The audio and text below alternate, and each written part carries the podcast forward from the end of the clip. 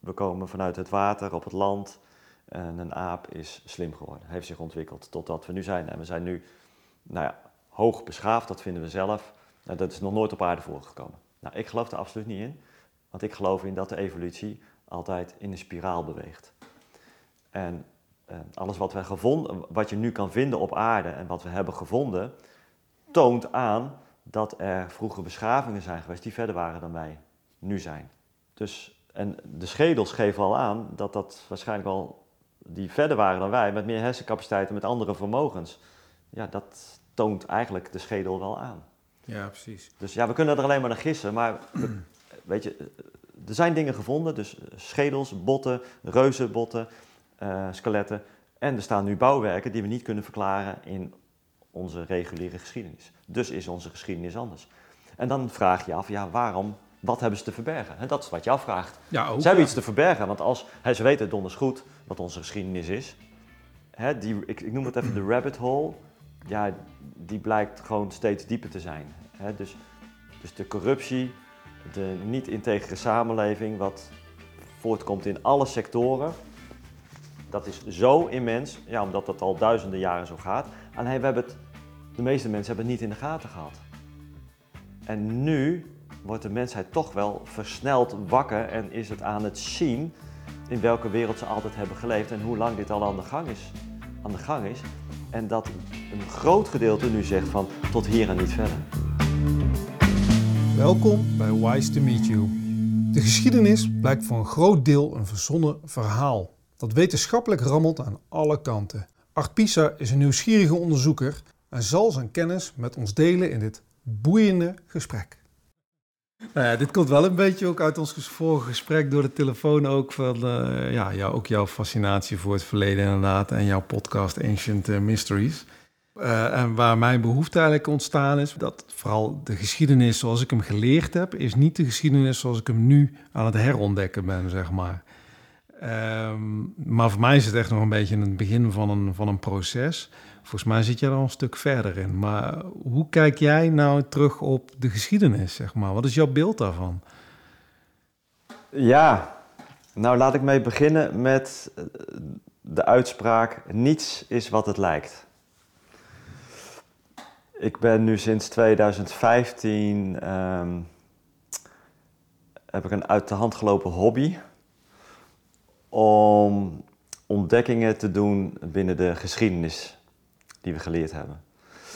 En dat is eigenlijk voortgekomen uit een, een lezing die ik heb uh, gezien in Jaure in 2015 van de Bosnier Semir Osmanagic. En die gaf daar een lezing over de vlei van de Bosnische piramides.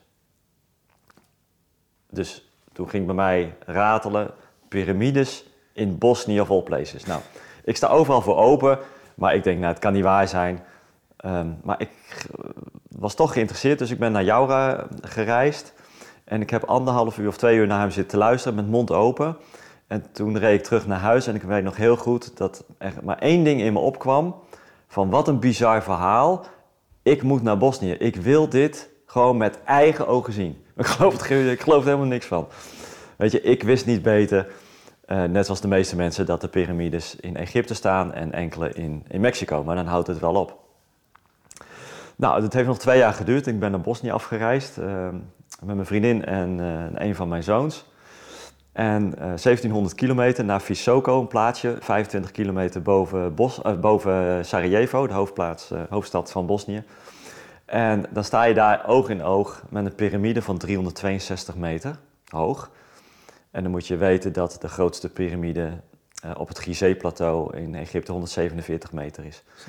Alleen deze piramide is niet zandkleurig, deze is groen, want er is een bos overheen gegroeid, of bos, bossages overheen gegroeid. En dat komt omdat deze piramide, schrik niet, 34.000 jaar oud is. Nou, toen viel ik helemaal van mijn stoel. Een piramide die 34.000 jaar oud is. Dat past sowieso niet binnen de geschiedenisboeken, welk geschiedenisboekje dan ook. Nou, um, ik was daar zo van onder de indruk wat ik daar zag, maar ook wat ik daar heb gevoeld in het tunnelsysteem. Want er ligt ook nog in die vallei, het zijn meerdere piramides, maar onder die vallei ligt er een tunnelsysteem van 40 kilometer. En wat ik daar heb ervaren is een, een, een energie wat zo prettig voelt, wat heel anders is en wat uh, iets doet op meerdere niveaus. Dus niet alleen op fysiek niveau, maar op alle niveaus doet dat iets met je. En dat voel je gewoon. En ook al kan je dat niet beredeneren met je hersenen, je voelt wat je voelt. En ik heb heel veel mensen uh, kunnen inspireren om daar naartoe te gaan, de meest sceptische mensen. En ze hebben allemaal hetzelfde gevoeld. Dus de meest sceptische mensen die daar naartoe zijn gegaan, ja, ik geloof het allemaal niet, en, maar ik ga er toch naartoe, ik ga het ervaren. Die zijn allemaal teruggekomen van, hé, hey, daar is iets, iets heel bijzonders. Niet alleen dat daar hele hoge grote piramides staan, die overwoekerd zijn door bossages en door bomen, maar dat er ook een energie heerst wat iets met je doet.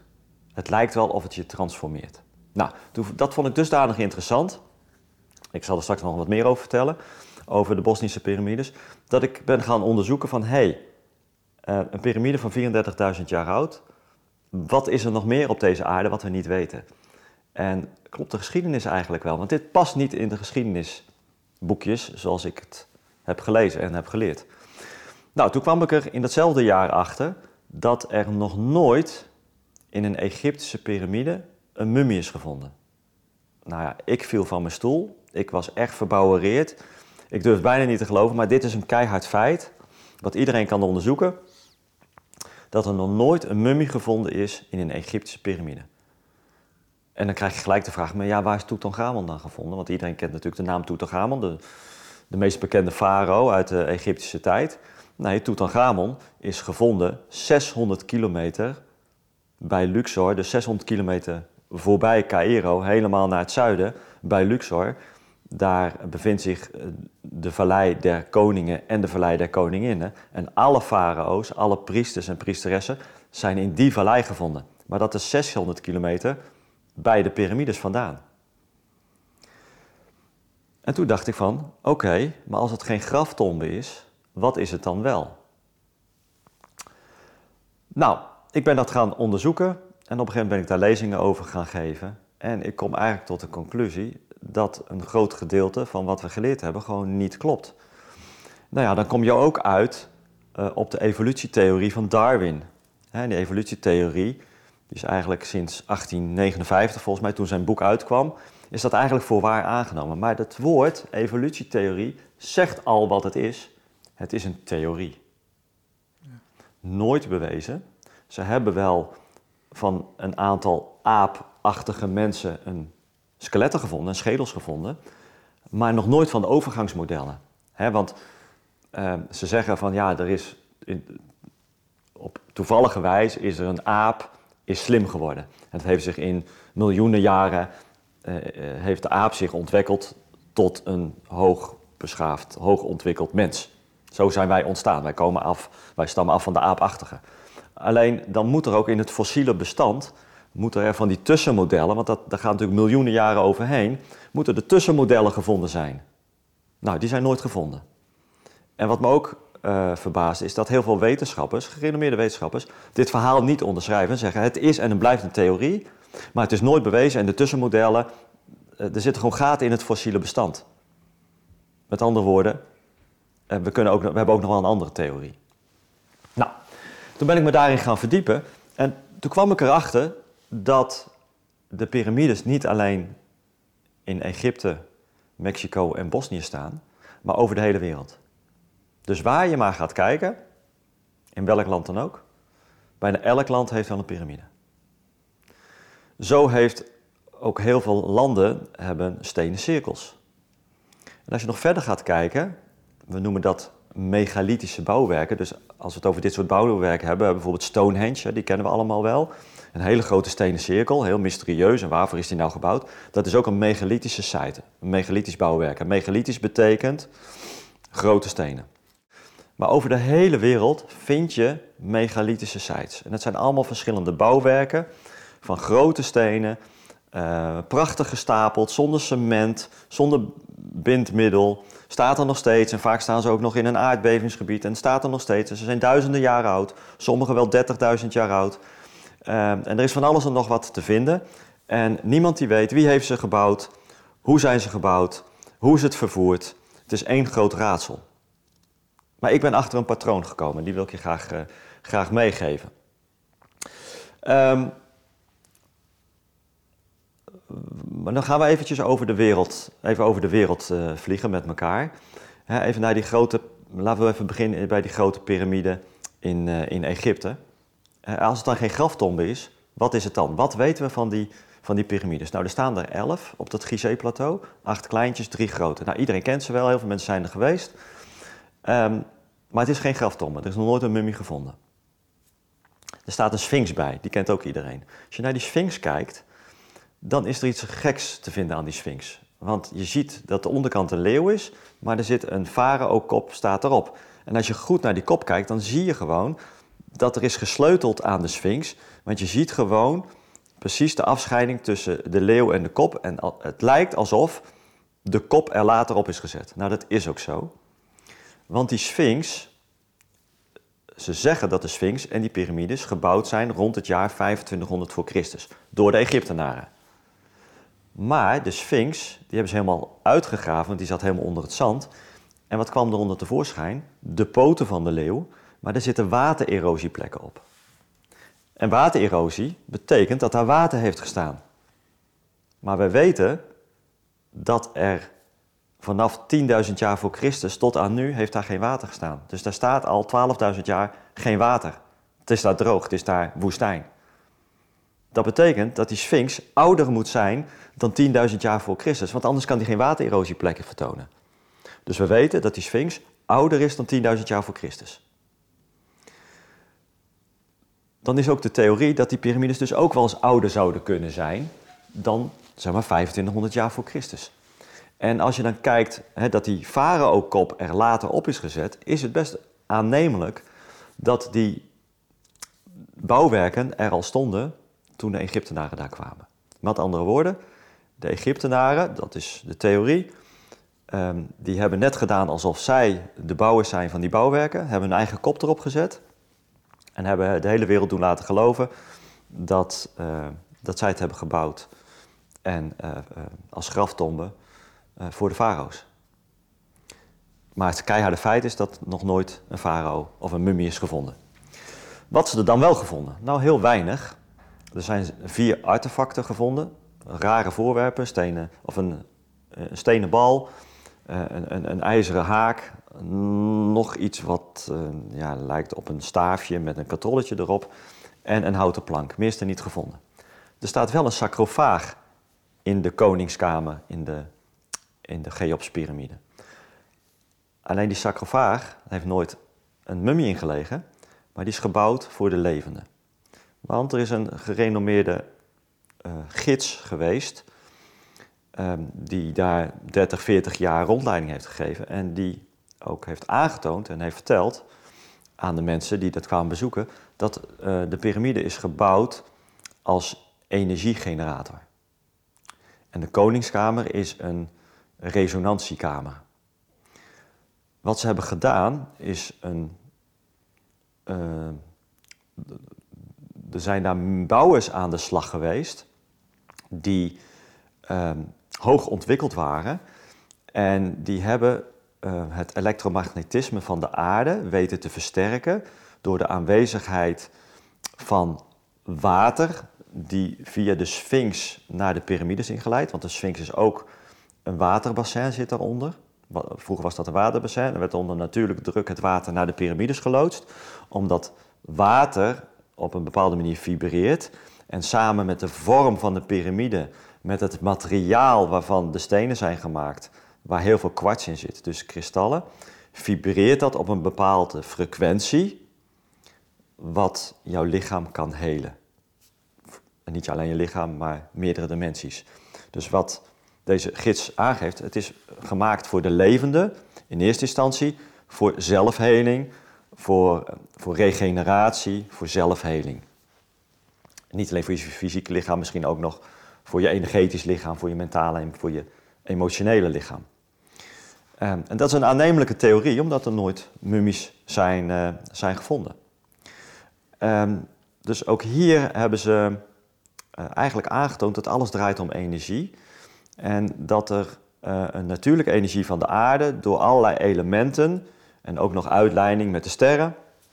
Maar goed, dat kan je allemaal zien in mijn, in mijn podcast. Ja.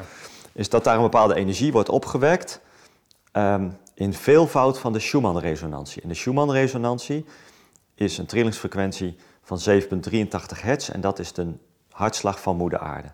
De moeder aarde, dat is nu wel aan het veranderen, zal ik zo uitleggen.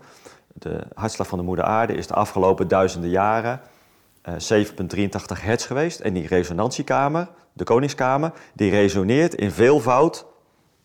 Dus als je daar geluid maakt, dan neemt de trilling toe in veelvoud van de Schumann-resonantie. En dat doet iets met je. Ja.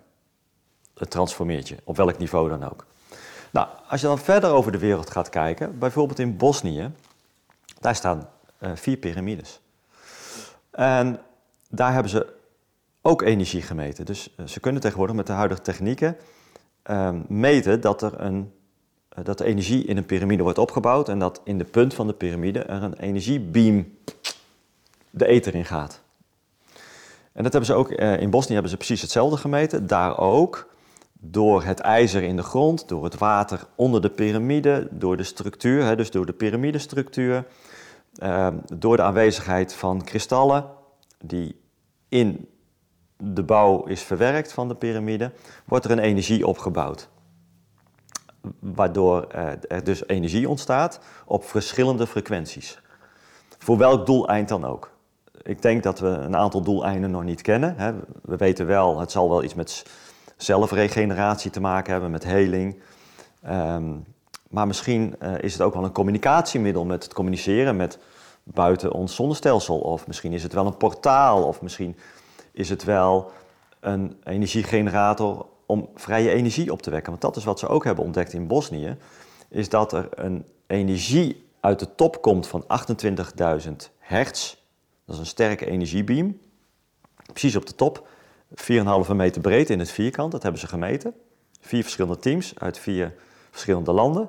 Maar het bijzondere is dat hoe verder je van de piramide afkomt, dus je zit op de top op 362 meter hoog, daar meet je 28.000 hertz.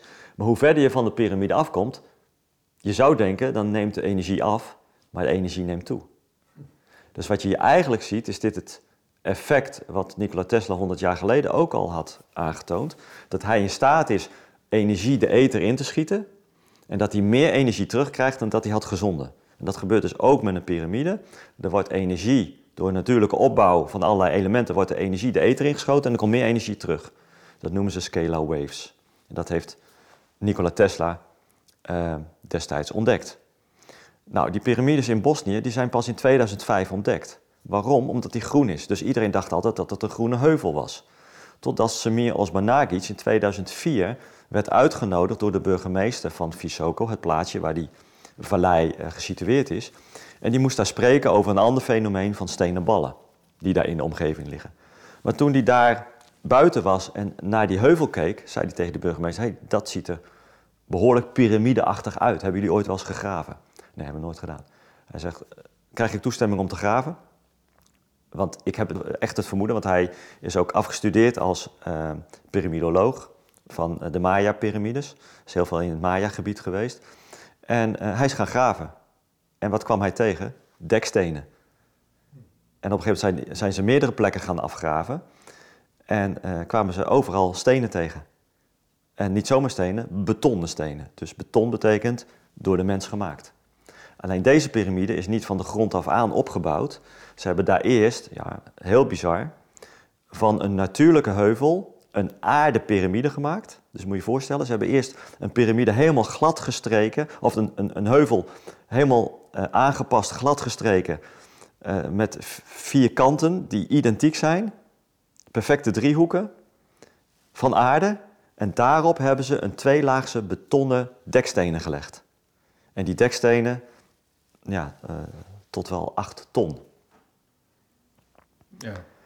En dat beton, kunnen we nog verder? Ja, ja. Oh, ja. En beton hebben ze ook ontdekt, en dat hebben ze namelijk laten analyseren, is gemaakt van een kwaliteit die we nu niet kunnen maken.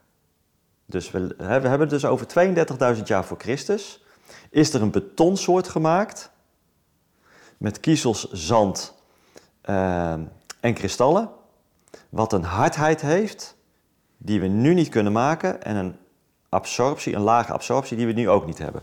Dus als je nu naar de meest geavanceerde betoncentrale gaat, van wil je deze betonsoort maken die daar is gebruikt in Bosnië, kunnen ze dat niet maken. En wat zegt dit? Nou, dit zegt dus dat we bouwwerken op de aarde hebben, die je gewoon nu kan bezoeken, waarvan we zeker weten dat die tienduizenden jaren oud zijn, dat er dus in die tijd naast Neandertalers, want we weten ook dat de Neandertalers hebben geleefd in die tijd, maar dat er nog een ander ras uh, heeft geleefd hier op aarde, die de bouwers zijn van dit soort gigantische, vernuftige ja, constructies. Ja, precies. Ja, ik, ik zit ook even te denken hoe ik hierop inhaak. Want... Ja, ik snap het. dit is nogal wat. Nou, dit is nogal wat. Ja. En uh, we, we, doen dit ook, hè. Dit, dit onderwerp is aansnijden, omdat ik gewoon zelf de laatste weken, maanden, nou jaar eigenlijk ook al wel, maar zeker weer de laatste weken weer allerlei bronnen ben tegengekomen over een andere geschiedenis, die, die het heeft over andere beschavingen. Uh, en ook over inderdaad, uh, nou ja, jij hebt al over Darwinisme, wat inderdaad een theorie is, maar nooit verder bewezen. Of, uh, terwijl we wel in die waan leven, zeg maar. Ik ook in die waan ben opgegroeid met school. En, um, nou, en, ik, en ik, ik zit gewoon heel erg te spelen met de gedachte van... ja, ik, ik kom er ook gewoon achter dat er heel veel bouwwerken op aarde zijn... waar wij, die helemaal niet door onze handen gebouwd zijn. Door onze, onze mensen, zeg maar, zoals wij onze beschaving kennen. Waaronder dus onder andere die piramides. Ik moet de hele tijd denken ook aan Michael Tellinger, die een, eh, een Zuid-Afrikaan die er heel veel onderzoek naar doet over alle bouwwerken over de wereld. Zegt, uh, dat heeft hele andere functies gehad. En die gaat er ook over uh, vertellen en speculeren of uh, theorieën verzinnen. Um, maar goed, ik weet, daarom zei ik al, ik weet niet zo goed waar ik naartoe wil. Dan kun je nou ja, nou ja nee, ik kan je daar wel in leiden. Kijk, wat voor mij belangrijk is, is um, ook gewoon feiten gebaseerd. Kijk wat er is gevonden. Dus we hebben nu, en ik, zal straks nog een aantal uh, bouwwerken uh, nou ja, laten zien of over vertellen. Uh, wat is er gevonden? En op basis daarvan kan je dus een aantal conclusies trekken. Dus wij hebben dus een aantal bouwwerken, nou ik heb er een aantal genoemd, die dus ouder zijn dan 10.000 jaar voor Christus. En er zijn er nog veel meer van hoor. Die, die vind je allemaal in mijn presentatie, um, in mijn podcast ook. Um, maar er zijn ook andere schedels gevonden. Dus nou we weten dat de Neandertalers, hè, dat uh, 800.000 jaar voor Christus tot ongeveer 20.000 jaar voor Christus, was Europa het gebied van de Neandertalers. Nou, de Neandertalers, we kennen ze allemaal, die liepen met knotsen, die leefden in holen. Nou, één ding weten we zeker, die zijn niet de bouwers van dit soort megalithische structuren. Dat konden ze niet. Maar naast hun skeletten, want die zijn er gevonden, hè, in de Neandertaal in Duitsland zijn de eerste schedels gevonden, daarom heet het ook de Neandertalers. Maar eigenlijk heel Europa zijn die schedels gevonden. Maar er zijn nog andere schedels gevonden. En wat nou het bizarre is dat die schedels van de Neandertalers, daar staan de geschiedenisboeken vol mee, de musea vol mee. Maar er zijn ook musea, ga naar Peru, Caracas, waar je 300 langwerpige schedels vindt. Maar niet alleen in Peru, over de hele wereld, ehm, in heel veel verschillende landen, zijn andere schedels gevonden. En de meeste zijn langwerpig. En het frappante is dat als je kijkt naar de oude hieroglyphen in tempels in bijvoorbeeld Egypte, van Abydos bijvoorbeeld, dan zie je dus daar tekeningen die duizenden jaren oud zijn, waarbij al die verleng, eh, dus wezens geprojecteerd of ja, ingekerkt staan met een verhoogde schedel. Dus dat komt weer overeen. Dus iemand heeft dat opgetekend omdat hij samen heeft geleefd met wezens met een verhoogde schedel. Hmm. En die schedels zijn ook nog eens overal ter wereld gevonden. Maar dat is niet het enige. Ja, ja ik wil zeggen, alleen, het staat alleen niet in onze geschiedenisboeken. Het staat niet in onze geschiedenisboeken, maar die schedels zijn wel te vinden in verschillende musea. Ja, maar dat vind ik ook zo raar, is dat zeg maar stiekem als je gaat, uh, op ontdekkingstocht gaat, kom je achter heel veel zaken die totaal niet bij bekend zijn. Niet bij mij, niet bij het grote publiek, maar wel, wel bestaan. Zeg wel maar. gewoon bestaan. En onderdeel van onze geschiedenis zijn, die niet verteld ja, is. En ik vind dat interessant. En ik wil ja. dat dan met eigen ogen zien, ik wil dat ook bezoeken. Ja. Uh, zo ben ik bijvoorbeeld naar Sardinië afgereisd. En waarom Sardinië zou je zeggen? Dat is dan niet zo'n leuk uh, Caribisch vakantieeiland, maar dan in Europa. Ja, dat klopt. Maar ze noemen het ook wel Ancient Sardinië. Want Sardinië is niet alleen maar onderdeel van de Blue Zone. Sardinië kent ook een hele lange geschiedenis, um, waarbij er ook een mythe op dat eiland heerst de mythe van de reuzen. Ja. Maar als je onderzoek gaat doen van hoeveel schedels en skeletten zijn er gevonden wereldwijd uh, over reuzen, duizenden. Waanzinnig. Hè? Waanzinnig. Ja, ja. En als je daar met de lokale bevolking praat, dan komen die gewoon nog met een, een grote kies aanzetten of een stuk bot aanzetten van een wezen wat veel groter was dan wij. Ja. En uh, daar is ook van generatie op generatie overgedragen dat er uh, lange tijd geleden, en dan praat ik over 100 tot 200 jaar geleden, zijn, en nog verder terug, zijn er heel veel reuzenskeletten op Sardinië gevonden. Alleen de meeste zijn geconfiskeerd door de lokale overheid en ook het Amerikaanse Smithsonian Instituut, kan je ook gewoon vinden op internet, die geven toe dat ze rond het jaar 1900 duizenden reuzenskeletten, botten hebben vernietigd. Ja. En uh, er zijn anderen die er onderzoek hebben nagedaan. De, uh, de, de, Britse Hugh Newman bijvoorbeeld heeft er ook een boek over geschreven. En die heeft alleen al in Amerika aangetoond hoeveel bewijsmateriaal er is geleverd uh, van, van reuzen die daar in vroegere tijd hebben geleefd. Omdat er zoveel of krantenartikelen zijn van dat er botten zijn gevonden of dat er inderdaad botten zijn gevonden. Er is heel veel documentatie over gevonden reuzenskeletten, reuzenschedels, reuzenbotten. Dus eigenlijk um, kunnen we wel concluderen dat um, grotere wezens, reuzen, hebben bestaan op aarde. Dus naast de Neandertalers hebben er ook andere rassen, wezens geleefd die groter waren dan wij en ook anders gebouwd waren dan wij. Niet alleen groter, maar ook met een andere schedelomvang. Nou, en dat maakt het interessant, uh, omdat tevens ook allerlei bouwwerken op aarde zijn te vinden. Uh, bijvoorbeeld Peru. Peru is een land waar heel veel megalithische sites te vinden zijn, waarbij je constructies ziet die we heden ten dagen niet kunnen maken. Zo perfect zit dat in elkaar met stenen die perfect zijn afgesneden, maar ook in, in, in hoeken en bochten waarvan je denkt, hoe dan? Duizenden jaren geleden, daar zouden we nu al heel veel moeite mee hebben. En staat er nog steeds na al die jaren. Je krijgt er nog geen creditcard tussen. En dat zie je niet alleen in Peru, dat zie je over de hele wereld. Nou, Sardinië, waar we het over hadden, uh, nou, dat kunnen we eigenlijk wel met zekerheid stellen, want dat bewijs is eigenlijk wel geleverd, dat daar reuzen hebben geleefd, een lange tijd. Wat je namelijk ook ziet op dat eiland, dat zijn reuzengraven. Daar staan bordjes, giant tombs. Tomba di Giganti, zo noemen ze het volgens mij in Italië. En dan kom je daar, en er zijn er nog 27 van, en dat is een heel groot graf, waar dus die reuzen, en dat waren zeg maar de hoofden van de clans of van de bevolking, dat noemen ze de priesters en priesteressen, die werden daarbij gezet. Want wat je daar ziet, zijn nederzettingen, die vind je dus nog steeds. Dan zie je uh, graven in gesteente met allemaal kamers uitgehouden voor het gewone volk. En je hebt reuzengraven. En dat ligt allemaal een beetje in de buurt van die nederzettingen. Dus het is daar allemaal uh, nog gewoon te bezoeken. En de bevolking, die doen ook nog gewoon hun, hun rituelen bij de reuzengraven. Want die energie, en we komen straks op het onderwerp energie, want dat is eigenlijk het patroon wat je ziet over de hele wereld, is dat er een energie aanwezig is. En dat heeft te maken met de energie die daar vroeger was, maar ook de energie die in de stenen zit. Omdat die stenen bijna allemaal voor 50% uit kwarts bestaat. En kwarts kan gewoon informatie opslaan. Net zoals dat water informatie opslaat, je DNA en je bloed informatie opslaat, uh, uh, is, zijn kristallen ook in staat om informatie op te slaan. Net zoals lithium, dat is ook gewoon een mineraal, kristal. Dat, dat gebruiken we voor de accu's, omdat het namelijk ook informatie kan opslaan.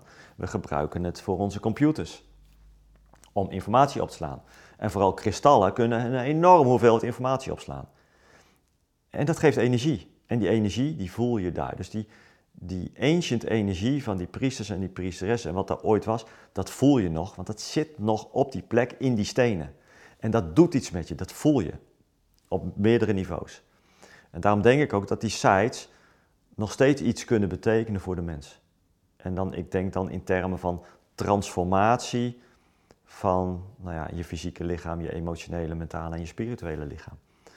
En uh, ze zijn nog hartstikke actief.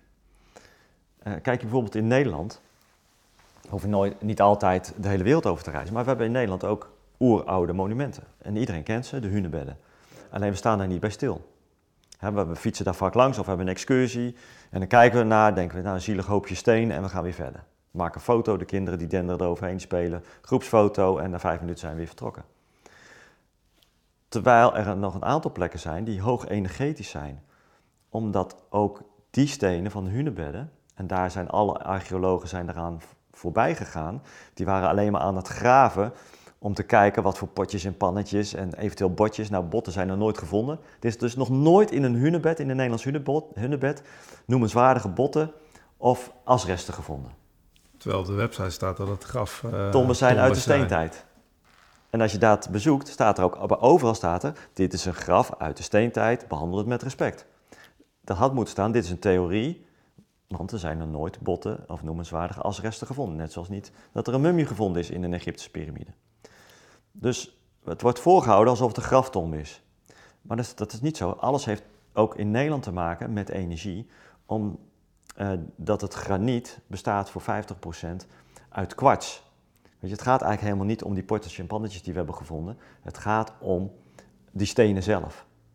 En uh, nou ja, daar kan je dus iets mee. En daarom ben ik ook, uh, excursies geef ik in het magische Drenthe, want ik vind het echt magisch. Um, want je voelt gewoon daar nog een oeroude energie bij een aantal hunebedden. Nou, en dat doet iets met je, dat voel je. En nou ja, ik begeleid daar als tourguide mensen bij, dat we daar sessies doen, uh, soms ook wiggelroeder lopen en zo. En ik bezoek gewoon een aantal van die hunebedden. En uh, nou ja, dan voel je dat daar iets is. En voor de een, um, het is maar net wat je nodig hebt, er gebeurt iets met je op welk niveau dan ook, wat je op dat moment ook nodig hebt. Nou, en als je dan verder kijkt over de hele wereld, staan er in over de hele wereld stenen cirkels. Zoals in Stonehenge. En ook dat heeft alles met energie te maken. Omdat door de ronding wordt het elektromagnetisme, en daar is heel veel wetenschappelijk onderzoek naar gedaan, vooral in Engeland en in, uh, in Frankrijk, is dat het elektromagnetisme van de aarde, die bouwt zich op uh, door de cirkelvorm. Want de cirkelvorm wordt gevormd door allemaal granieten stenen, ook weer van kwarts. En we weten dat dat kwarts geleidt het elektromagnetisme als een vortex de cirkel in. Dus het elektromagnetisme wordt um, in een vortex in de cirkel getrokken. En uh, in het midden is dan de kracht het hoog, het grootst. En het bouwt op en het bouwt af. En de energie is het sterkst bij de ochtendgloren als de zon opkomt. Het is niet voor niks dat er films worden gemaakt. Netflix staat een hele goede serie, Outlander. En die gaat over dat er een vrouw verdwijnt naar een andere tijd, een vroegere tijd, um, door die cirkel, door die energie van die cirkel. Nou ja, wat je ook maar gelooft, maar uh, wetenschappelijk onderzoek toont in ieder geval dat er energie wordt op- en afgebouwd in die stenen cirkel. En dat is interessant. Ja, maar eigenlijk, ik zit heel geboeid naar jou te luisteren. En uh, uh, wat ik me gewoon afvraag is van... is er nou eigenlijk stiekem wel heel veel bekend bij wetenschappers... maar is het niet met het grote publiek gedeeld? Of zijn ook heel veel wetenschappers nog echt aan het onderzoeken... wat is het nou precies? Of, of zijn er wel partijen die gewoon kennis hebben van zaken... maar het gewoon niet delen met het grote publiek?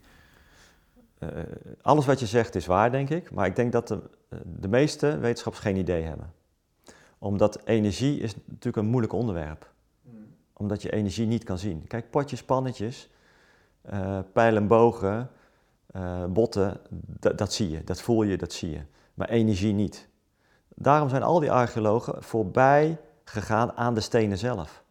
Zich nooit gerealiseerd dat het grootste geheim van de hunebedden of van de piramide de stenen zelf zijn. Want stenen, kristallen leven. Het is gewoon een levend organisme want het vibreert. Daarom wordt kwarts in een horloge gestopt, omdat het heel stabiel, eh, een stabiele trilling heeft. Daarom wordt kwarts in een kwartshorloge gebruikt. Het heeft gewoon een stabiele trilling. Maar wat is het nut dan voor een horloge? Hm? Wat is dan daarvan het nut voor nou, een de horloge? Tijd, dat, die, uh, dat, dat, dat je Betere een, een, tijd. Uh... Gewoon een hele goede tijdsaanduiding met gewoon een stabiele trilling. Het is gewoon de, de, de energiebron van een kwartshorloge. Ligt er niet aan het mechaniek wat erin zit dus? ook, ja, ik ben maar je hebt bekend, een krachtbron dus, nodig, uh... maar je hebt ook een uh, energiebron nodig. En die energiebron, dat zijn kristallen. Want we weten van kristallen dat dat informatie kan opslaan. En daarom gebruiken we het ook voor computers en voor allerlei technologische ontwikkelingen die we hebben. Ja. Alles wat er in de ruimte geschoten wordt en communiceert met aarde, wordt alleen maar kristallen gebruikt. Ja. voor informatieoverdracht en voor informatieopslag. Dus dat enige, maar alleen dat energetische gedeelte, dat vinden heel veel mensen moeilijk. En ik denk dat er ook heel veel gewoon niet wordt verteld.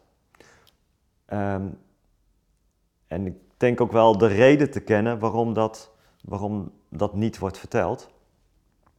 Omdat dat iets in ons kan activeren. Omdat ik zelf heb ervaren, ehm, zowel in Bosnië als in Sardinië, maar vooral op Sardinië, dat het iets met je doet. Het lijkt wel alsof je wordt opgetild. Alsof je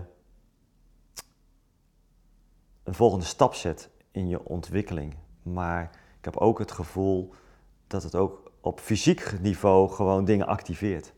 En misschien um, hebben we deze sites wel nodig om misschien hersenactiviteit te vergroten, je DNA eh, verder te activeren en misschien in andere dimensies om te groeien um, als mens. Want we hebben gewoon ongekende vermogens die we nog niet benutten, maar die wel in potentie in ons zitten, maar die nog door iets geactiveerd moeten worden. En de vraag is, wat hebben wij nodig om onze hersencapaciteit volledig te activeren en ons junk-DNA weer te activeren? Ik weet het niet, maar het zou kunnen zijn dat dit ons zou kunnen helpen. En uh, ik denk dat het best wel aannemelijk is naar wat ik zelf heb ervaren. Het doet gewoon iets met je. Het transformeert je, op welk niveau dan ook. Hè. Ik kan dat niet helemaal wetenschappelijk onderbouwen en precies aantonen wat dan. Maar ik voel dat het in positieve zin iets met je doet. En ja, ik ben niet de enige. Uh, bijna iedereen die daar naartoe gaat, die voelt dat, er, dat het iets op welk niveau ook met, uh, met hen doet. Ja. ja, ik kan het alleen maar onderschrijven. Ik ben daar zelf naar Machu Picchu geweest en ik dacht alleen maar daar, wat voel ik hier toch? Ja, wat, ik voelde me daarvoor niet per se heel goed, zeg maar. Ja. en terwijl ik daar was, voelde ik me echt euforisch, fantastisch. En dat, maar dat heb ik heel vaak tijdens reizen gehad. Als je op hele bijzondere sites komt, hele bijzondere plekken, dat je een enorme boost aan energie uh, voelt, bij wijze van spreken. En uh, je had het net ook over frequentie volgens mij, van, van dat je gewoon voelt dat je een verhoogde frequentie raakt. Een hoge trilling, een, een positiviteit. Ja, en, en, absoluut. En het, het, ja, je, zei net al van, ja, wat is energie? Ja, dat, dat, is voor ons heel ongrijpbaar, zeg maar. Want we kunnen energie vaak niet zien. We kunnen het misschien voelen, goede energie of slechte energie. En that's it. Ik, vind, ik, ik kom er alleen maar achter hoe ontzettend beperkt we eigenlijk zijn uh, ja. in ons leven. Dus, ja. uh, maar het gaat om het ervaren, om het voelen. En als je eenmaal iets hebt ervaren, ja, weet je, dan ga je het... Uh, ja, als je het ervaart, dan geloof je het ook. Want ja, weet je, ook al kan je het niet beredeneren, maar je voelt wat het met je doet. Weet je, ja, iemand anders kan zeggen het is niet waar, maar jij hebt het zelf ervaren en gevoeld. Dan kan iemand anders zeggen, ja, maar het is niet wetenschappelijk bewezen, niet meer waar. Dan denk ik van, ja, maar jij hebt het niet ervaren, ik wel. Ja.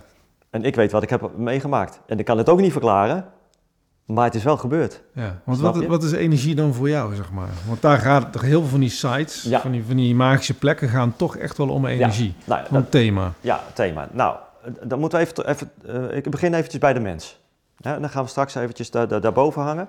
Maar de mens is als uh, als ik jou zou ontleden op het kleinste niveau, ik ga je opensnijden, ga ik niet doen, want dan wordt een soortje. Nou ja. Maar dan op het kleinste niveau, dan ben je alleen maar energie. Hè? Ogenschijnlijk zit er niks in een atoom, maar het, een atoom zit vol met energie. Net zoals als je naar boven kijkt, naar het heelal, denk je één groot zwart gat, maar het is alleen maar gevuld met energie. Alles is energie.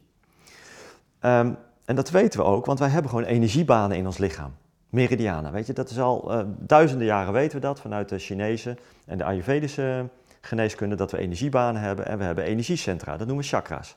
En we hebben zeven chakras in ons lichaam en we hebben ook nog buiten ons lichaam. Mag nooit, want dat klinkt voor heel veel, klinkt, uh, voor velen klinkt dat vaak al heel zweverig en spiritueel, maar dit is, dit is wetenschappelijk, toch? Dit is wetenschappelijk, ja, dit is ja, wetenschappelijk. Is geen, ja, acupunctuur, ja, weet je, dat bestaat al zo lang. Daar zijn al zoveel goede ervaringen mee en dat heeft alles met de, met de meridianen te maken, met je energiebanen. Ja, ja. dat wil ik even duidelijk En de Chinese geneeskunde, ja, je kan zeggen van, ja, weet je, dit is um, um, nou, kwakzalverij.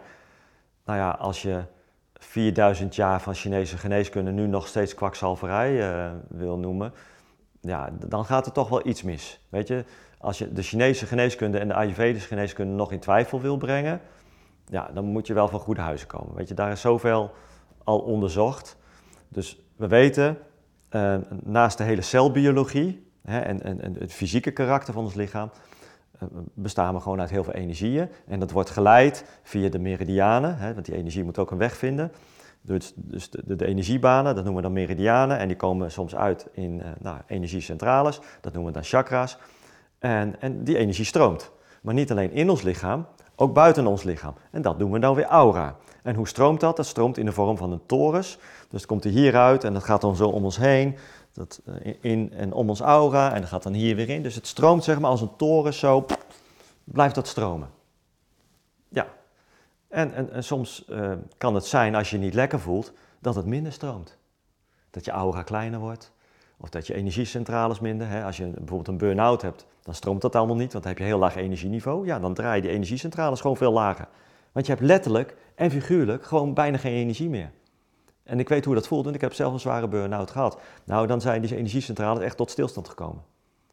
Want je vindt niks meer leuk, je hebt geen energie, je kan niet eens meer je onderbroek uittrekken bij wijze van spreken. Je hebt nergens zin meer in. Dus alles is tot stilstand gekomen. Er is totaal geen balans meer. Je bent totaal uit balans. Fysiek en energetisch. Maar dat is ons lichaam. Maar als je kijkt naar een dier of naar een plant of naar een zaadje, die hebben ook allemaal die torens. Energie wat stroomt in het, in het organisme en buiten het organisme. Ga je naar de aarde, de aarde is ook een levend organisme. Want over de aarde lopen ook energiebanen, dat noemen we leelijnen. Die kan je zo ook over Google Earth leggen, kan ik je zo laten zien hoe die lopen. Maar ook om de aarde loopt dus een torens, want ook de aarde heeft een energieveld om zich heen. Het elektromagnetisme. Want dat is ook wat ons beschermt tegen de kosmische straling en de straling van de, van de zon. Hè? Dus als er weer een flinke zonnewind is, dan uh, wordt er heel veel energie op de aarde afgestuurd. En zou dat niet worden afgebogen via de Noord- en de Zuidpool, dan zouden wij veel te veel belast worden en zouden we letterlijk uit elkaar springen. Zouden we doodgaan, want daar kunnen we niet aan. Zoveel energie van de zon en van andere planeten en andere stelsels. Dus we zijn heel erg blij dat de aarde die torens heeft, dus eigenlijk een beveiligingsmechanisme, wat we dan een elektromagnetisch veld noemen. En dat kunnen we ook zien met ons ogen, want als er een flinke zonnewind komt, dan kunnen we op de Noordpool en in de Zuidpool zien we het noordenlicht en het zuidenlicht. Want dan wordt het licht wordt voor ons zichtbaar, omdat het dan in, de, in, in kleuren tevoorschijn komt. Hè? Dus het spectrum wat we kunnen zien. Er is een heel groot spectrum wat we niet kunnen zien, maar het spectrum wat we kunnen zien, dat zien we dan ook tijdens het noorden en het zuidenlicht. Prachtig. Ik heb de mooiste, zeker de afgelopen maand, zie je de meest mooie beelden. Dus daar blijkt ook uit dat de energie aan het verhogen is. Want anders krijg je die mooie plaatjes niet. En ze worden steeds mooier, want we krijgen steeds meer energie op ons afgestuurd. Afgestuurd van, van waaruit, zeg maar. En dat is belangrijk. Dus even belangrijk, hè, die, die torens, hè, dat we um, energiebanen hebben, energiecentrales. En dat eigenlijk, er is een patroon in alles wat leeft, heeft een torens, heeft die energie. Dus ook moeder aarde. Maar als je wat verder gaat, heeft ook ons melkwegstelsel of ons zonnestelsel en ons melkwegstelsel, heeft ook die energie. Dus de energie die op ons afkomt, ja, de zon, en dat voelen we aan warmte, en dat, dat zien we door die zonnewinden en, uh, en de kleuren. Maar achter de zon hebben we natuurlijk nog andere planeten, andere stelsels. En um, ik leg dat altijd uit van, wij zitten hier zo met z'n tweeën, wij zitten hier gewoon in mijn huis hier. Maar je realiseert je niet dat we op reis zijn nu. Ondanks dat we hier gewoon zitten, zijn we eigenlijk op reis. Want wij denderen met een enorme vaart door ons zonnestelsel. En we realiseren dat niet. Maar als je op reis bent, nou wat ontmoet je dan? Je ontmoet andere volkeren, nieuwe culturen, uh, nou ja, andere natuur. Dus je krijgt andere energie, krijg je van andere mensen, van andere natuur. En die ervaring, dat doet iets met je. Je wordt beïnvloed door uh, de energieën van die mensen en de energieën van die nieuwe natuur. Hè. Dat is allemaal nieuw. En dat doet iets met je. En dan moet je soms even aan wennen. Hè. Je moet wel wennen aan andere um, nou ja, aan andere energie, aan andere natuur, andere omstandigheden, andere volkeren. Dus daar moet je op aanpassen. Dus dat betekent ook, omdat wij op reis zijn in het heelal, ontmoeten wij steeds nieuwe energieën van andere planeten. En daarom is het wel goed om uit te leggen, dit is de aarde. En de aarde, we weten allemaal, dat de aarde beweegt. De aarde die beweegt rond de zon, dus eh, zeg maar, dit is de zon. En de zon die gaat met 70.000 km per uur door ons eh, melkwegstelsel. En de planeten die draaien eromheen als een vortex, dus dat gaat zo. En de aarde staat dan hier en dan staat hier eh, Venus, daar Mercurius. En dan heb je nog wat buitenplaneten, hè? Uh, Pluto en nog een, een, aantal andere. En die draaien allemaal, allemaal op verschillende afstanden om. Dus de zon die gaat 70.000 km per uur door het melkwegstelsel en de rest draait eromheen. En wij zijn dus als aarde, dus met ons zonnestelsel, op reis binnen ons, uh, binnen ons melkwegstelsel. Ja. Maar het melkwegstelsel is ook op reis binnen het heelal. Ja. En nu is het zo dat die aarde maakt uh, niet alleen deze draaiing, en die draait niet alleen zo, maar die draait ook nog zo. Dus dat is de kanteling om de eigen as. En deze draaiing, helemaal rond, duurt 26.000 jaar. En dat, als er een cyclus is afgelopen, dan gaan we weer opnieuw door alle dierenriemtekens. En we gaan nu over naar het Aquarius-tijdperk. Maar elke keer als er een cyclus wordt afgesloten en we aan een nieuwe beginnen, dan komen we in een energieverhoging of een energieverlaging. En we zitten nu in een energieverhoging. We gaan naar het Aquarius-tijdperk. Dat betekent dat door die energieverhoging, afkomstig dus van andere planeten, andere stelsels, want die ontmoeten we op ons reis door het heelal, heeft invloed op de aarde. En dat merk je aan de aarde, want die is een nieuwe balans aan het zoeken, want die gaat onder invloed van die verhoogde energieën haar eigen energie verhogen. Dus die gaat een nieuwe balans vinden. En hoe doet de aarde dat? Op de eerste plaats verandert het magnetisme van de aarde. En dat zien we ook. Wetenschappers hebben bewezen dat het magnetisch noorden nu versneld aan het verschuiven is.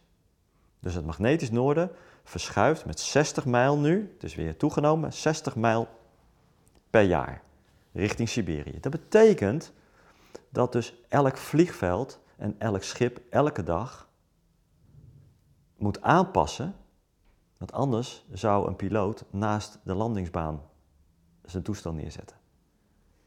Want de coördinaten veranderen, omdat het, magneet, omdat magnetisch noorden aan het verschuiven is. En het is eerder gebeurd in die 4,5 miljard jaar dat de aarde leeft, dat het magnetisch noorden het magnetisch zuiden is geworden en het magnetisch zuiden noord. Of dat die halverwege is gestopt. Maar het is eerder gebeurd dat het magnetisme is veranderd, waardoor er grote veranderingen op aarde hebben plaatsgevonden en bijvoorbeeld dinosaurussen ineens zijn uitgestorven. En dat vindt nu ook plaats.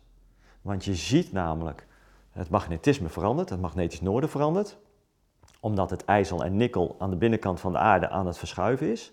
Daardoor krijgen we meer vulkaanuitbarstingen, krijgen we meer aardbevingen, want we zien dat het aantal vulkaanuitbarstingen met 100% is gestegen afgelopen jaar.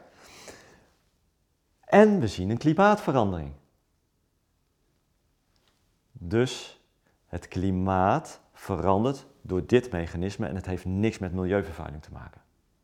En dat moet wel gezegd worden, dat staat los van elkaar. We hebben milieuvervuiling en we hebben klimaatverandering. Daar zit geen relatie tussen. Dus we hebben het hier over klimaatverandering door veranderde energie, omdat wij eh, als aarde op reis zijn door het heelal. Dat betekent dat de aarde dus op een, hoge, die zal op een hogere frequentie doorgaan. Dus die gaat voor de komende 26.000 jaar een nieuwe balans vinden. Dat was vroeger de 7,83 hertz, de Schumann-resonantie. Hoe hoog die nu uit gaat komen, niemand weet het. Maar ze zal in trilling omhoog gaan. Dat betekent dat wij, de mensen die hier op aarde leven, hebben een keus. Of we gaan mee in die trillingsverhoging, of we gaan niet mee. Maar als je niet meegaat, kan je hier niet meer leven. Zo simpel is het. Zeg maar. Dus de mensen die niet meegaan aan de trillingsverhoging... Ja, ja die gaan deze aarde verlaten. Ja. Die verlaten deze Die gaan sterven, maar die kunnen niet mee in, in die frequentie. Degene die, dat niet kan... Kijk, in principe heeft iedereen de potentie om dat te kunnen. Maar als dat om wat voor reden niet lukt... Ik laat even midden wat dan de reden is, maar om wat voor reden niet lukt... Ja, dan zou je deze planeet verlaten. Ja, het, voor mij klinkt, ik, ik volg het ergens en toch blijven dit soort concepten voor mij altijd heel erg abstract, zeg maar. Ja, dat snap ik. eh, ja, dit is, ja. Ik zit even te zoeken naar hoe kunnen we dit eh, concreter maken, maar eh, enig idee? ja, concreter dan dit kan ik het niet maken. Nee. Kijk, alles heeft frequentie. Kijk, als jij je niet senang voelt eh, ehm, bij een bepaalde frequentie, dan is het onleefbaar. Ja, Hè, dus wij mensen zijn verbonden met moeder aarde vanwege de trillingsfrequentie. Daarom kunnen wij niet op een andere planeet wonen, omdat daar een hele andere energetische huishouding plaatsvindt. Dat kan ons lijf niet aan. daarom zit Nou, ook in dit fysieke lijf hier op deze Precies, aarde. ja. En kunnen we hier zo een manifestatie maken. Juist. Zeg maar. Ja. Alleen omdat nu de aarde aan het veranderen is, zullen wij mee moeten in die verandering. Dat betekent dat we niet alleen de mens moet veranderen, maar alles moet veranderen. Want als de energie omhoog gaat, meer licht, hè, dat is eigenlijk wat, wat er gebeurt, er komt meer licht op ons af, letterlijk en figuurlijk, meer licht, zal ook alles in het licht komen. Daarom zie je nu ook dat we in een hele aparte tijd leven, waar er heel veel gebeurt, heel veel dingen exposed gaan worden, dingen boven water komen, waarheden boven tafel komen, omdat alles letterlijk in het licht gaat komen. Ja, precies. Nou, dat sluit wel heel mooi aan bij ook volgens mij van waar we het ook over hebben, over de geschiedenis inderdaad. Ja. Want hè, wat, wat is onze geschiedenis werkelijk? En ik kom, er- ben er sowieso erg achter gekomen dat ja, 9-11 is niet de 9-11 zoals die ons geleerd wordt vanuit de media of de geschiedenisboeken. Wanneer daar kamervragen over gesteld worden of wetenschappers daar eh, kritisch over zijn, wordt daar niks mee gedaan. Over de Tweede Wereldoorlog, eh, Eerste Wereldoorlog, andere grote events, JFK. Er is zoveel uit onze geschiedenis die een ander verhaal hebben in het boek dan wat er werkelijk gebeurd is. En ik, ik, het, het, het blijft me fascineren van wat is nou onze werkelijke geschiedenis? En dat is ook wat is onze werkelijke oorsprong? Er zijn ook heel veel mooie quotes over gedaan. Ik kan ze nu niet reproduceren, maar inderdaad van ja, weet waar je vandaan komt en je weet wie je bent. Maar ik heb het idee dat wij helemaal geen idee hebben waar we vandaan komen. Dus weten we ook Nee. totaal niet wie we zijn op dit moment. Nee, dat klopt.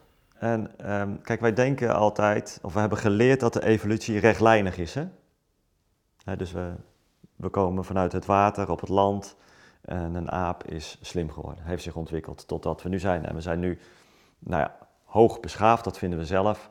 Nou, dat is nog nooit op aarde voorgekomen. Nou, ik geloof er absoluut niet in, want ik geloof in dat de evolutie altijd in een spiraal beweegt. En eh, alles wat, wij gevonden, wat je nu kan vinden op aarde en wat we hebben gevonden, toont aan dat er vroeger beschavingen zijn geweest die verder waren dan wij nu zijn. Alleen om wat voor reden dan ook, en vaak is dat door misbruik van energie, liefdesenergie, maar ook andere energieën, vrije energie, eh, waar ze misbruik van hebben gemaakt, is gewoon een ras is ten onder gegaan door nou ja, de mythe gaat, hè, zond, zondvloeden en zo. Is het gewoon ten onder gegaan en moesten we weer opnieuw beginnen. Ja. En eh, nou ja, dan moesten we weer op een lager niveau beginnen. Maar de mythes zijn hè, dat er hoogbeschaafde volkeren hebben geleefd tijdens de tijd van Atlantis. En Atlantis, hè, we kennen allemaal die mythe, dat is vergaan omdat we misbruik hebben gemaakt van de energie. En Lemurië, wat daarvoor was. Ja, en wat voor wezens waren dat? Geen idee. Maar ja, we hebben wel skeletten gevonden. Dus, en de schedels geven al aan dat dat waarschijnlijk wel, die verder waren dan wij, met meer hersencapaciteiten, met andere vermogens. Ja, dat toont eigenlijk de schedel wel aan. ja, precies. Dus ja, we kunnen er alleen maar naar gissen, maar we, weet je, er zijn dingen gevonden, dus schedels, botten, reuzenbotten, eh, skeletten. En er staan nu bouwwerken die we niet kunnen verklaren in onze reguliere geschiedenis. Dus is onze geschiedenis anders. En dan vraag je af, ja, waarom, wat hebben ze te verbergen? En dat is wat je afvraagt. Ze hebben iets te verbergen, want als, ze weten donders goed wat onze geschiedenis is. Er zijn ook mensen, ja, precies. Hè, er zijn mensen die het weten. Ja. En wat hebben ze te verbergen? Ja.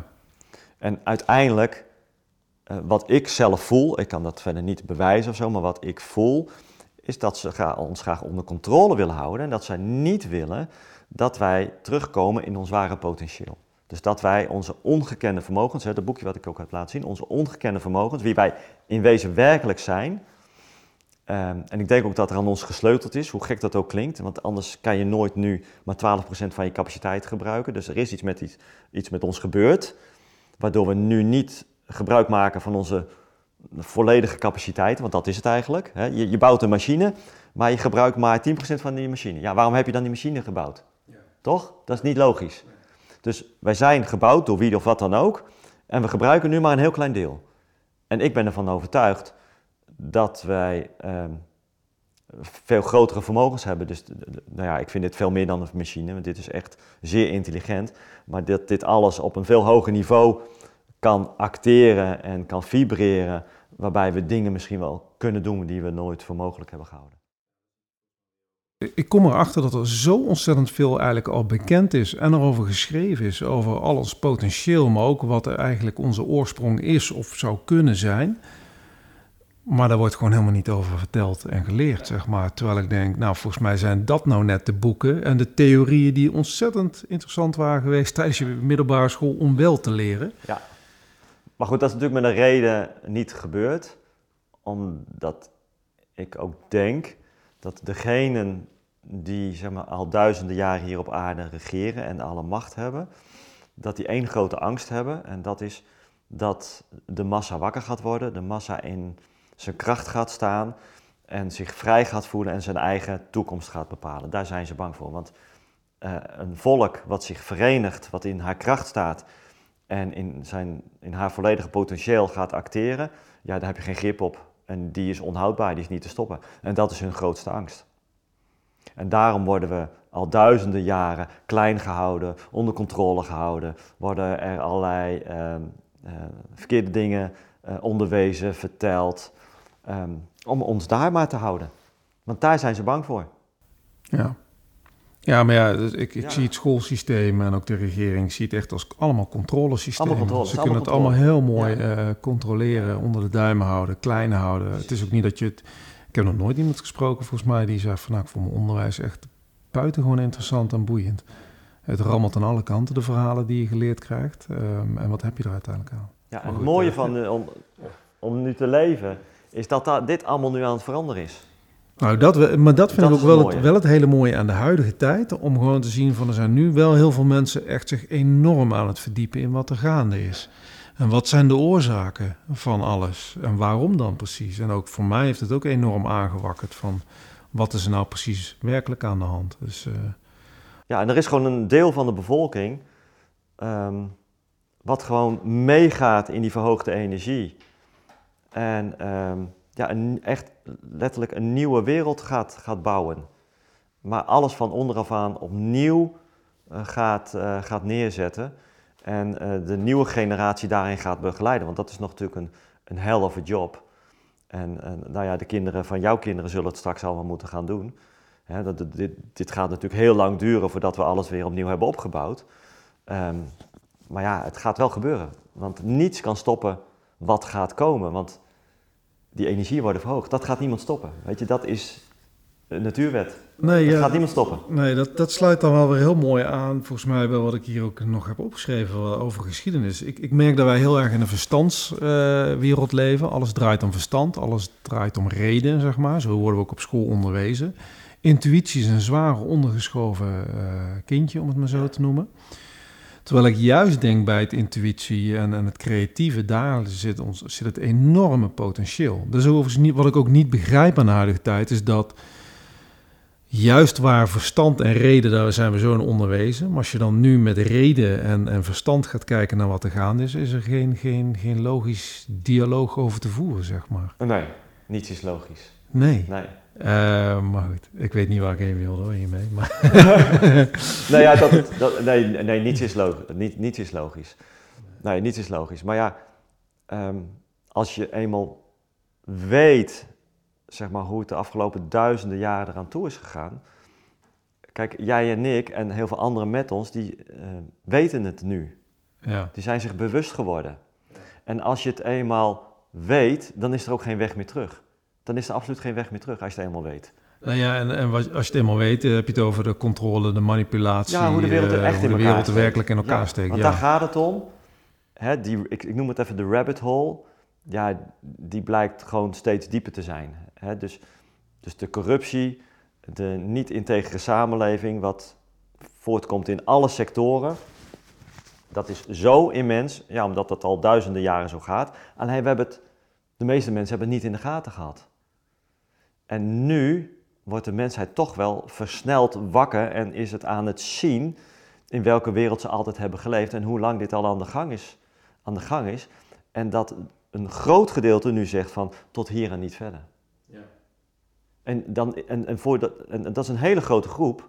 Ik denk dat er echt, uh, dat zijn echt miljoenen mensen hier op aarde. Hè? Uh, nou, de beweging is volgens mij waanzinnig groot. Er wordt, nou, wordt weer niet in de media uh, uitgemeten, maar als je volgens mij naar de, nou, volgens mij een beetje gaat kijken, zijn ontzettend veel mensen op en staan en in de weerstand aan het komen. Ja, absoluut.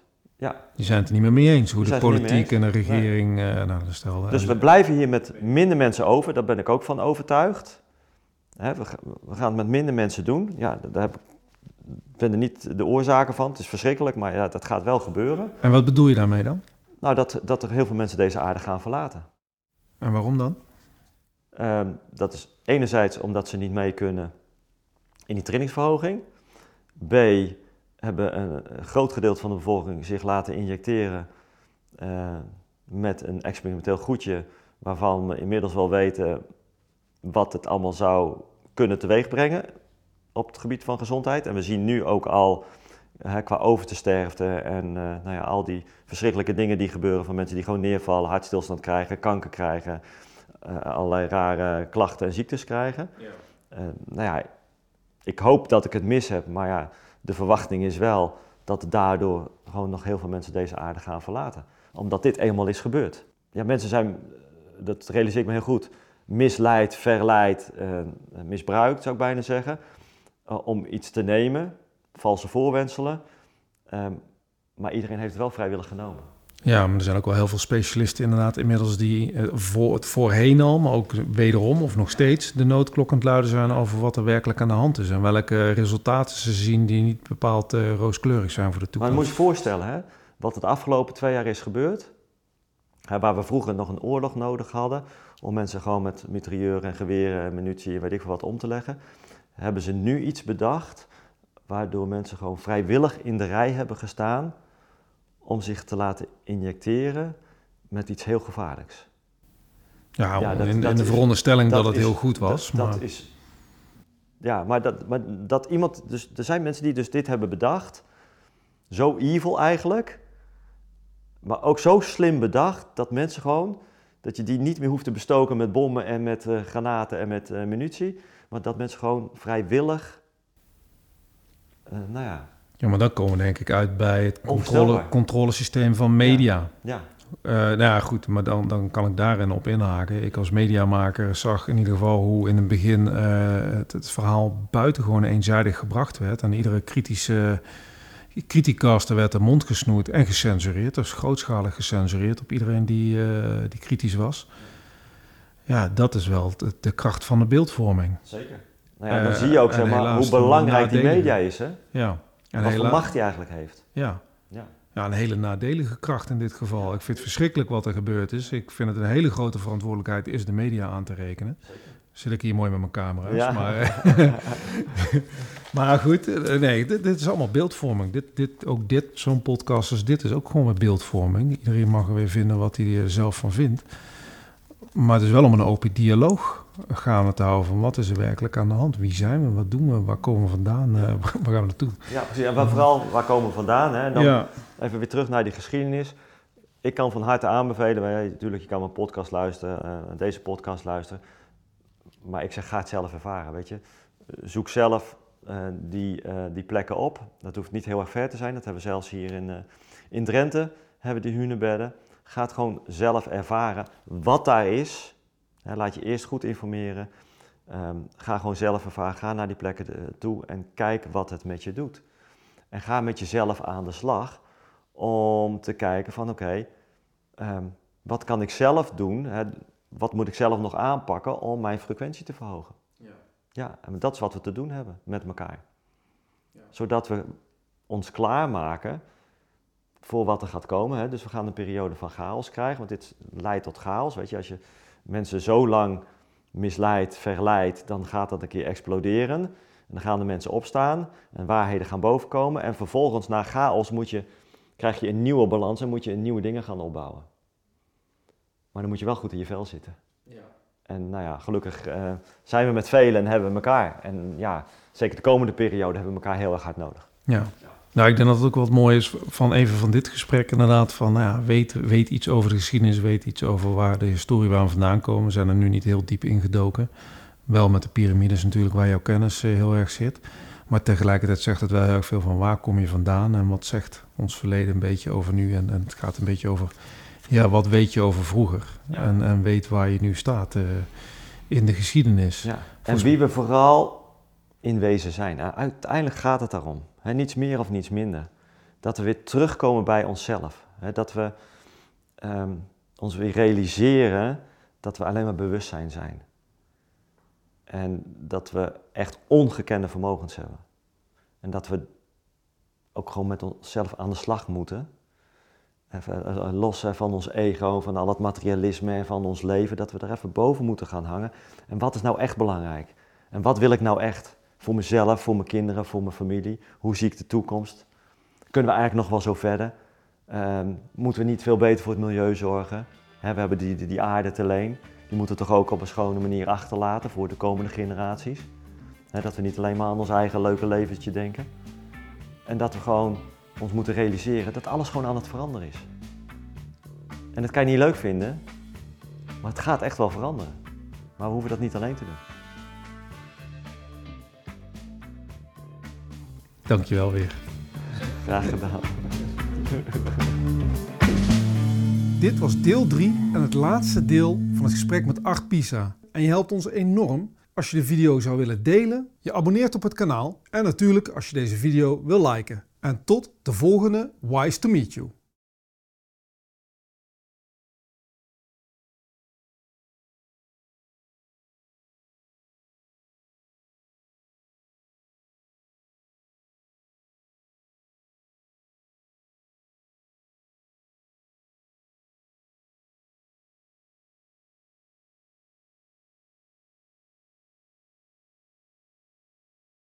Dus de meest sceptische mensen die daar naartoe zijn gegaan, ja, ik geloof het allemaal niet, en, maar ik ga er toch naartoe, ik ga het ervaren. Die zijn allemaal teruggekomen van, hé, hey, daar is iets, iets heel bijzonders. Niet alleen dat daar hele hoge grote piramides staan, die overwoekerd zijn door passages en door bomen, maar dat er ook een energie heerst wat iets met je doet. Het lijkt wel of het je transformeert. Nou, dat vond ik dusdanig interessant dat ik ben gaan onderzoeken van, hé, hey, uh, een piramide van 34.000 jaar oud. Wat is er nog meer op deze aarde wat we niet weten? En klopt de geschiedenis eigenlijk wel? Want dit past niet in de geschiedenisboekjes zoals ik het heb gelezen en heb geleerd. Nou, toen kwam ik er in datzelfde jaar achter dat er nog nooit in een Egyptische piramide een mummie is gevonden. Nou ja. En toen dacht ik van, oké, maar als het geen graftombe is, wat is het dan wel? Nou, dit zegt dus dat we bouwwerken op de aarde hebben, die je gewoon nu kan bezoeken, waarvan we zeker weten dat die tienduizenden jaren oud zijn, dat er dus in die tijd naast Neandertalers, want we weten ook dat de Neandertalers hebben geleefd in die tijd, maar dat er nog een ander ras eh, heeft geleefd hier op aarde, die de bouwers zijn van dit soort gigantische vernuftige ja, constructies. Waarbij je constructies ziet die we heden ten dagen niet kunnen maken. Zo perfect zit dat in elkaar met stenen die perfect zijn afgesneden, maar ook in, in, in hoeken en bochten waarvan je denkt, hoe dan? Duizenden jaren geleden, daar zouden we nu al heel veel moeite mee hebben. En staat er nog steeds na al die jaren. Je krijgt er nog geen creditcard tussen. En dat zie je niet alleen in Peru, dat zie je over de hele wereld. Nou, Sardinië, waar we het over hadden, nou, dan kunnen we eigenlijk wel met zekerheid stellen, want dat bewijs is eigenlijk wel geleverd, dat daar reuzen hebben geleefd, een lange tijd. Nou ja, dan kom je ook uit uh, op de evolutietheorie van Darwin. We komen vanuit het water op het land en een aap is slim geworden, heeft zich ontwikkeld tot wat we nu zijn. En we zijn nu, nou ja, hoog beschaafd, dat vinden we zelf. En dat is nog nooit op aarde voorgekomen. Nou, ik geloof er absoluut niet in. En uh, alles wat, we gevonden, wat je nu kan vinden op aarde en wat we hebben gevonden, toont aan dat er vroege beschavingen zijn geweest die verder waren dan wij nu zijn. Wat hebben ze te verbergen? Dat is wat je afvraagt. Ja, ook, ze hebben iets te verbergen, want als, ze weten donders goed wat onze geschiedenis is. die, ik, ik, noem het even de rabbit hole. ja, die blijkt gewoon steeds dieper te zijn. Hè? Dus, dus de corruptie, de niet-integere samenleving, wat voortkomt in alle sectoren, dat is zo immens, ja, omdat dat al duizenden jaren zo gaat. Alleen we hebben het, de meeste mensen hebben het niet in de gaten gehad. En nu wordt de mensheid toch wel versneld wakker en is het aan het zien in welke wereld ze altijd hebben geleefd en hoe lang dit al aan de gang is. Aan de gang is. En dat een groot gedeelte nu zegt van tot hier en niet verder. Wise to meet you in gesprek met Art Pisa. Dit was slechts een kleine greep uit de vele prachtige onderwerpen die we hebben besproken over de geheimen van de geschiedenis. Beluister het hele gesprek op ons kanaal. En je helpt ons enorm door te delen, liken en te abonneren. Alvast heel erg bedankt.